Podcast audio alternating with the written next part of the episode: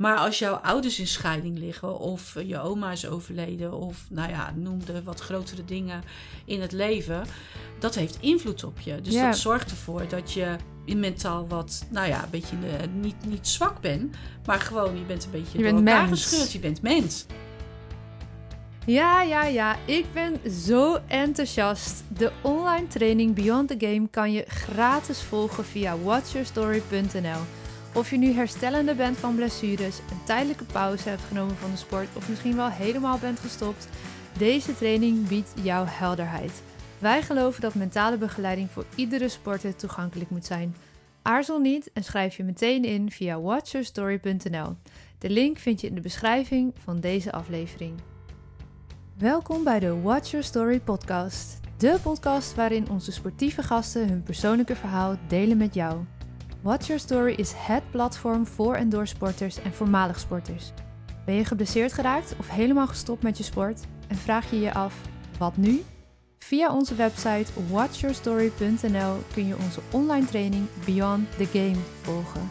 De training is helemaal gratis voor alle luisteraars, omdat wij vinden dat mentale begeleiding voor alle sporters beschikbaar moet zijn. Aanmelden kan via watchyourstory.nl. Die link vind je ook in de beschrijving van deze aflevering. Want vergeet nooit, je bent niet alleen. Your story counts. Hoe voer je nu een goed gesprek waarin je jouw grenzen aangeeft bij je trainer of coach? Vaak is dat super spannend. Lifeskillcoach Michelle Verhoef leert sporters op Papendal hoe je in beeld kan brengen wat er nu precies aan de hand is. Soms is dat sportgerelateerd, maar vaak spelen er ook andere dingen die je dwars kunnen zitten. Met familie, op school, op je werk, social media wellicht. Het heeft allemaal invloed op je sport en op de grenzen die je al dan niet moet en wil kunnen aangeven bij trainers en coaches. Vandaag luister je naar aflevering 4 van de vijfdelige special serie met lifeskill coach Michelle Verhoeven. Ja, het bruggetje, de Ja. cliffhanger van gisteren. We eindigden met, de, ja, we hadden het over mentaal herstel en jij noemde daarin van ja, grenzen aangeven ehm, is essentieel door bijvoorbeeld gewoon rust te pakken en een training eruit te gooien, je focus te verleggen in plaats van harder te gaan trainen, wat Mhm. mensen vaak geneigd zijn om te doen. Wat bij mij gelijk opkwam was, hoe doe je dat nou goed in verhouding met jouw trainer of coach? Want die ziet misschien wel dat het niet goed gaat en zal wellicht ook als eerst geneigd zijn om te zeggen, oké kom, we gooien er een extra training in. Ja. Harder trainen Ja. in plaats van rusten. Ja, dat is de natuurlijke neiging. Dat, dat zien we ook en dat is ook eh, herkenbaar. En dat, eh, eh, en dat is ook super moeilijk. Wat je gisteren ook zei, dat, dat, ja, daar hebben we. Dat is ook een deel van ons werk. Van hoe doe je dat? Hoe ga ik tegen die trainer zeggen dat ik eigenlijk gewoon hartstikke moe ben en dat ik, eh, ja, dat het Rust gewoon niet nodig lukt. Dat ik heb gewoon rust nodig. Ehm, daar gaan dus ook vaak de gesprekken over. Hoe doe ik dat? Ja. En dat is eigenlijk. ehm, eigenlijk is het gewoon zorgen dat je heel dicht bij jezelf blijft. En dat is natuurlijk moeilijk als je 16, 17 bent. Want dan ben je eigenlijk veel meer bezig met wat anderen van je vinden. als dat je met jezelf bezig bent. En zeker hier waar je wil presteren. Ja, en je wil niet onderdoen. Er komt ook weer een stukje teleurstellingsschaamte, hè, waar we het allemaal over gehad hebben. Nou, je bent mentaal niet sterk genoeg om het aan te kunnen. Ja, je bent- en al die ja. stemmetjes. ja, al die stemmetjes. En dat legt, ligt- dat legt letterlijk heel veel druk bij ze neer. ja. Alleen als jij natuurlijk, als we het weer even over die motor hebben, die je draaiende moet houden, dan is het goed om die motor goed te leren kennen. Nou, nogmaals, dat kun je vaak niet als je 16, 17 jaar bent. Eh, met al die stemmetjes in ons hoofd die er dan wat van vinden. Wat vinden mijn ouders ervan? Wat vindt mijn coach ervan? Wat vindt mijn team ervan? Wat vindt mijn tegenstanders, bij wijze van spreken? Iedereen wordt dan meegenomen. Maar uiteindelijk, als jij door blijft gaan, raak je geblesseerd. ja. En dus het is heel belangrijk dat je goed dat lijf leert kennen. Van oké, wat is nu een beginnende blessure? Wat is gewoon spierpijn? Ja. Of even een ongemakje. Ehm, en dat kost gewoon tijd. Dat is het ook. Hè? Dus, en, en hoe pak ik dat dan aan? Nou ja, dat doen wij vaak dan toch wel door een gesprekje te oefenen. Ja, zo van, ja, ik ben dat de coach ik, Ja. En ik ga even een beetje de vervelende coach spelen. Van ja, maar ik vind dat je er wel moet zijn. De, de, de. Hè, dus al die, de- wat een coach ook kan zeggen.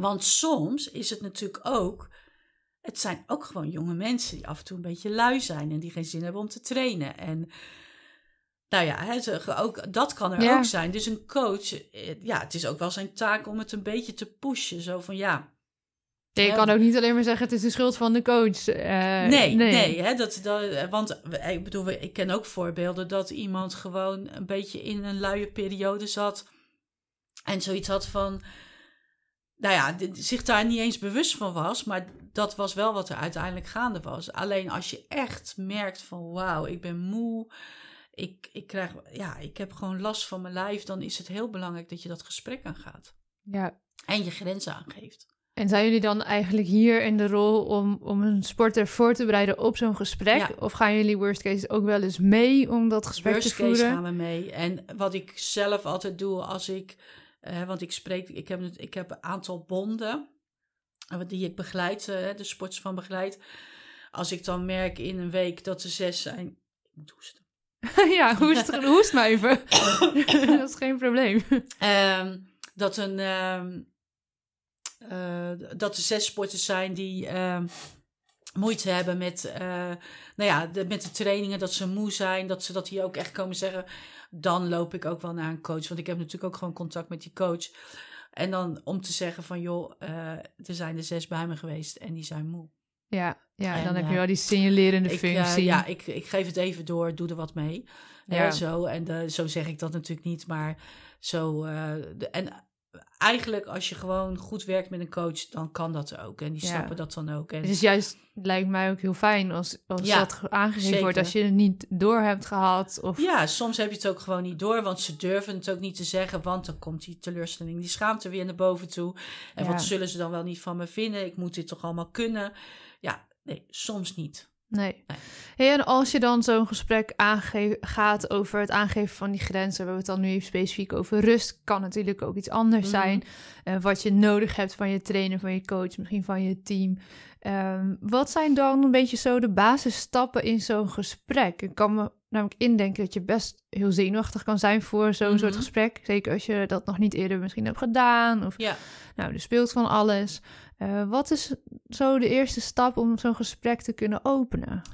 Ja, ik probeer altijd met, met eh, de jonge mensen zo van praat vanuit jezelf. Hè, dus zeg niet van eh, ja, door jouw trainingen. Hè? Ja, dan z- zit je in eh, verwijt. Want dan zit je in het verwijt en dan gaat iemand zich altijd verdedigen. Dat, dat, is, dat, dat is gewoon menselijk gedrag. Dat doen we allemaal. Hè? Als je aangevallen wordt, dan is je eerste neiging om je te verdedigen. Dus praat vanuit jezelf. Ik merk aan mezelf dat ik moe ben en dat ik eigenlijk geen rust krijg. Ik slaap wel, maar ik word moe wakker. Dus we gaan eerst, ik ga eerst met zo'n sporter goed in kaart brengen.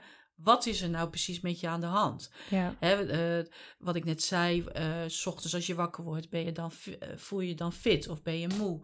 Nou, de- aan de hand daarvan heb je natuurlijk concrete dingen die je aan een coach kan voorleggen. Ja, ja, dus als je niet in de gelegenheid bent om met jou dat gesprek te oefenen, wat zijn wat goede checkpunten voor jezelf om eens na te lopen, Ja, eh, die ja, je mee zou kunnen nemen in zo'n gesprek?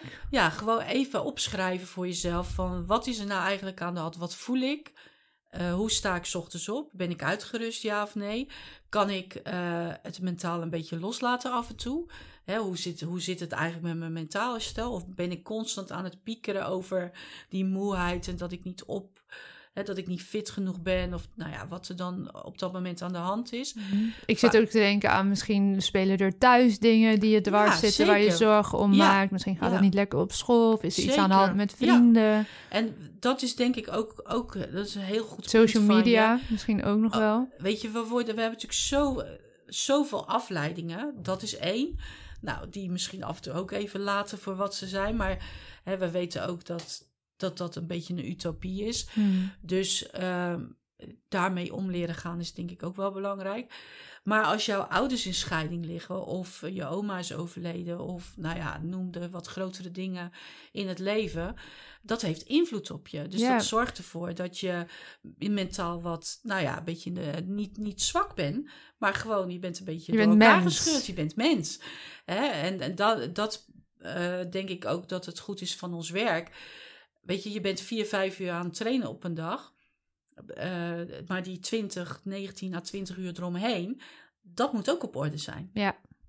En als dat op orde is, dan kun je het vaak in de training ook gewoon goed doen. Vaak als in die 20 uur iets mis is, dan zie je dat ook in de training. Of als er in de training iets heel vervelends gebeurt, zie je dat dat ook invloed heeft op, het, Ja, op die andere andersom ook. 20 uur. Ja, Dus eigenlijk voor je zo'n gesprek aangaat met een trainer of een coach, ga eens voor jezelf opschrijven van hé, hey, wat speelt er nu eigenlijk? Ja. Wat is er echt aan de hand? Ja. Als je dat een beetje in beeld hebt gebracht voor jezelf, misschien in gesprek met iemand anders, Mhm. maar je hebt een beetje meer inzicht van oh, dat is er wat me dwars zit. Eh, hoe ga je zo'n gesprek openen? Hè, want hier, hier ken je dat, maar er luisteren natuurlijk heel veel sporters die niet hier Nee. zitten. Hoe open je nou zo'n gesprek? ja. Nou, ik denk dat het goed is dat je altijd eerst vraagt of de coach tijd heeft. Mhm. want niet vijf minuten voor een wedstrijd. Of als je net een verloren wedstrijd hebt gehad, zou ik dat ook niet doen. Dus gewoon een goed moment kiezen. En als een coach eh, eh, zegt van, nou, ik, op dit moment lukt dat niet, dat je dan een afspraak maakt. Hè, dan weet die coach ook van, oké, daar, daar komt wat. Maar Ja. dan kan die zich er ook voor openstellen.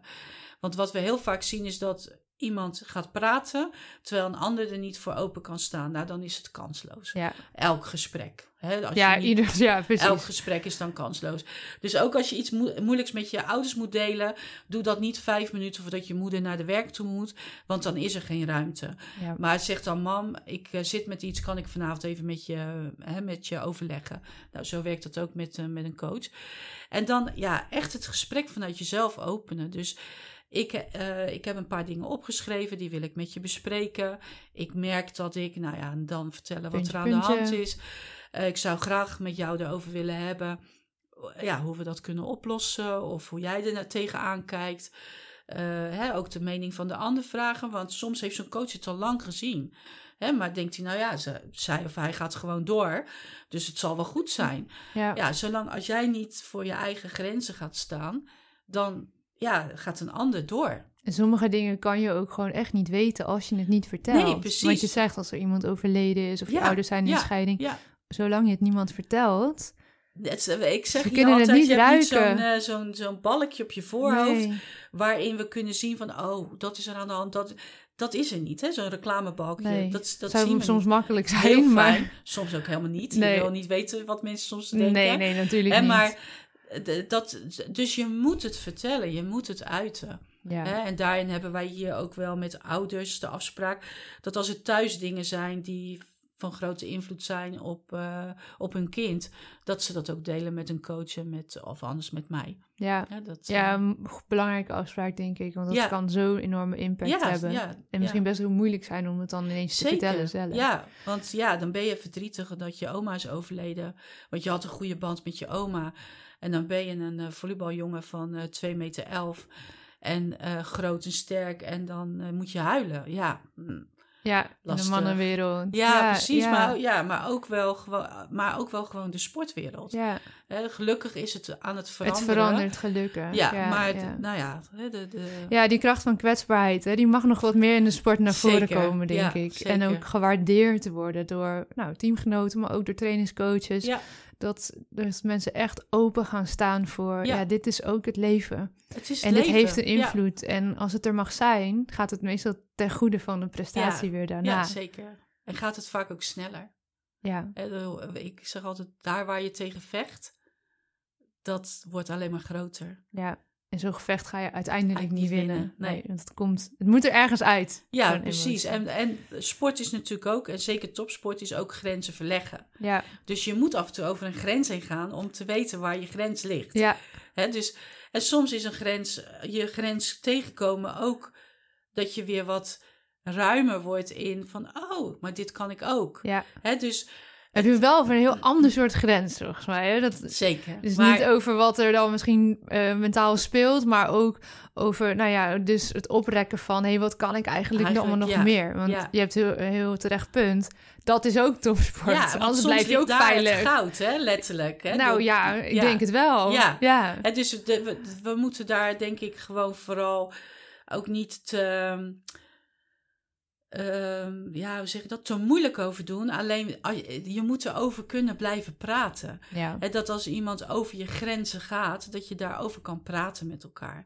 Van joh, wat is hier nu gebeurd? Dit voelde niet fijn.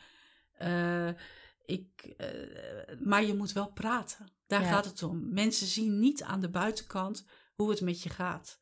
Keken mensen maar zo naar elkaar. Want vaak Zou de wel wereld wel een stukje mooier van worden? maar, maar zo Ja. werkt het niet. Dus je, Nee. je, je moet het aangeven. Hè? Je Ja. moet de moed hebben. Ik vind het woordje moeten altijd lastig. Maar ik gebruik heel vaak moed met een D. Eh, de, de moed hebben om het aan te gaan met iemand Ja. anders. Ja. Ja, nou en dus als je eh, luistert en op Papenal zit, weet dat je zo'n gesprek kan voorbereiden ook samen met Michelle. En dat hier misschien voor het eerst open kan gooien en dan naar je trainer of coach kan stappen. Zit je nou niet op Papendal, zoek iemand in je omgeving die Ja. je daar even bij kan helpen. Die je vertrouwt, waar je verhaal kwijt kan. Om op die manier ook, eh, of je nou amateur of ergens anders in de top speelt, om toch dat gesprek te openen. Want ik denk dat het letterlijk een pak van je hart kan Zeker. zijn. En sowieso de prestatie en het plezier weer ten goede komt. Ja, soms heeft het eh, een luisterend oor is vaak al genoeg. Want Ja. met, de meeste mensen, ook jonge mensen, weten het zelf wel wat ze moeten doen. Alleen even die bevestiging van iemand anders krijgen, dat, eh, Dat is het is helpend. Ja. Ja. Dankjewel. We hebben er nog eh, eentje te goed Ja. morgen. Heel ander onderwerp. Alhoewel dat ongetwijfeld weer in relatie zal staan met alle andere eh, dingen die we hebben besproken. Eh, we gaan het namelijk nog hebben over financiën en schulden in relatie tot sport. En ook zeker op het moment dat je een blessure krijgt en misschien jij dus op dusdanig hoog niveau sport dat dat ook jouw inkomen is en je werk is. En ja, wat doe je dan? Ja. Belangrijke vraag, denk ik. Dus morgen nog eentje samen met Michelle. Tot morgen. Tot morgen. Dankjewel voor het luisteren naar deze aflevering van de Watch Your Story podcast. Ben je sporter of misschien wel ouder, trainer, coach of bestuurder van een sportvereniging? We komen heel graag met je in contact. Wij geloven dat geen enkele sporter of voormalig sporter er alleen voor mag komen te staan op een kwetsbaar moment zoals een blessure, buiten een selectie vallen of helemaal stoppen. Leegte, verdriet, boosheid, teleurgesteld zijn en onbegrip voelen, het is voor heel veel sporters herkenbaar. Misschien ervaar je momenten van paniek, eenzaamheid, schaamte, angst, machteloosheid of je niet goed genoeg voelen. Het zijn allemaal emoties die heel logisch zijn en die je niet hoeft weg te stoppen. Je toekomst of het leven dat je kende is weg. Of het ziet er tijdelijk anders uit. Maar je sport was en is diep van binnen nog steeds jouw identiteit. Jouw verhaal doet ertoe. En daarom hebben wij met verschillende experts de online training Beyond the Game ontwikkeld. De training is helemaal gratis te volgen voor alle luisteraars, omdat wij vinden dat mentale begeleiding voor alle sporters beschikbaar moet zijn.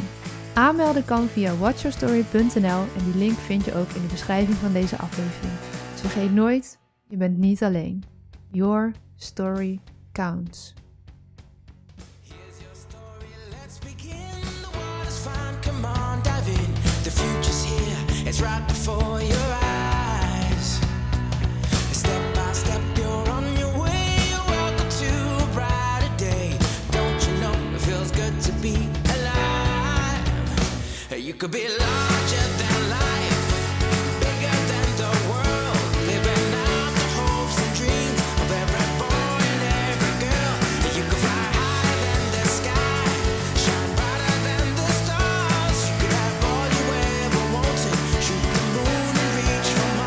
know you could. Yeah, times are changing everywhere. Do we dream and do we dare? It's up to you. The door is open wide. Feel the rhythm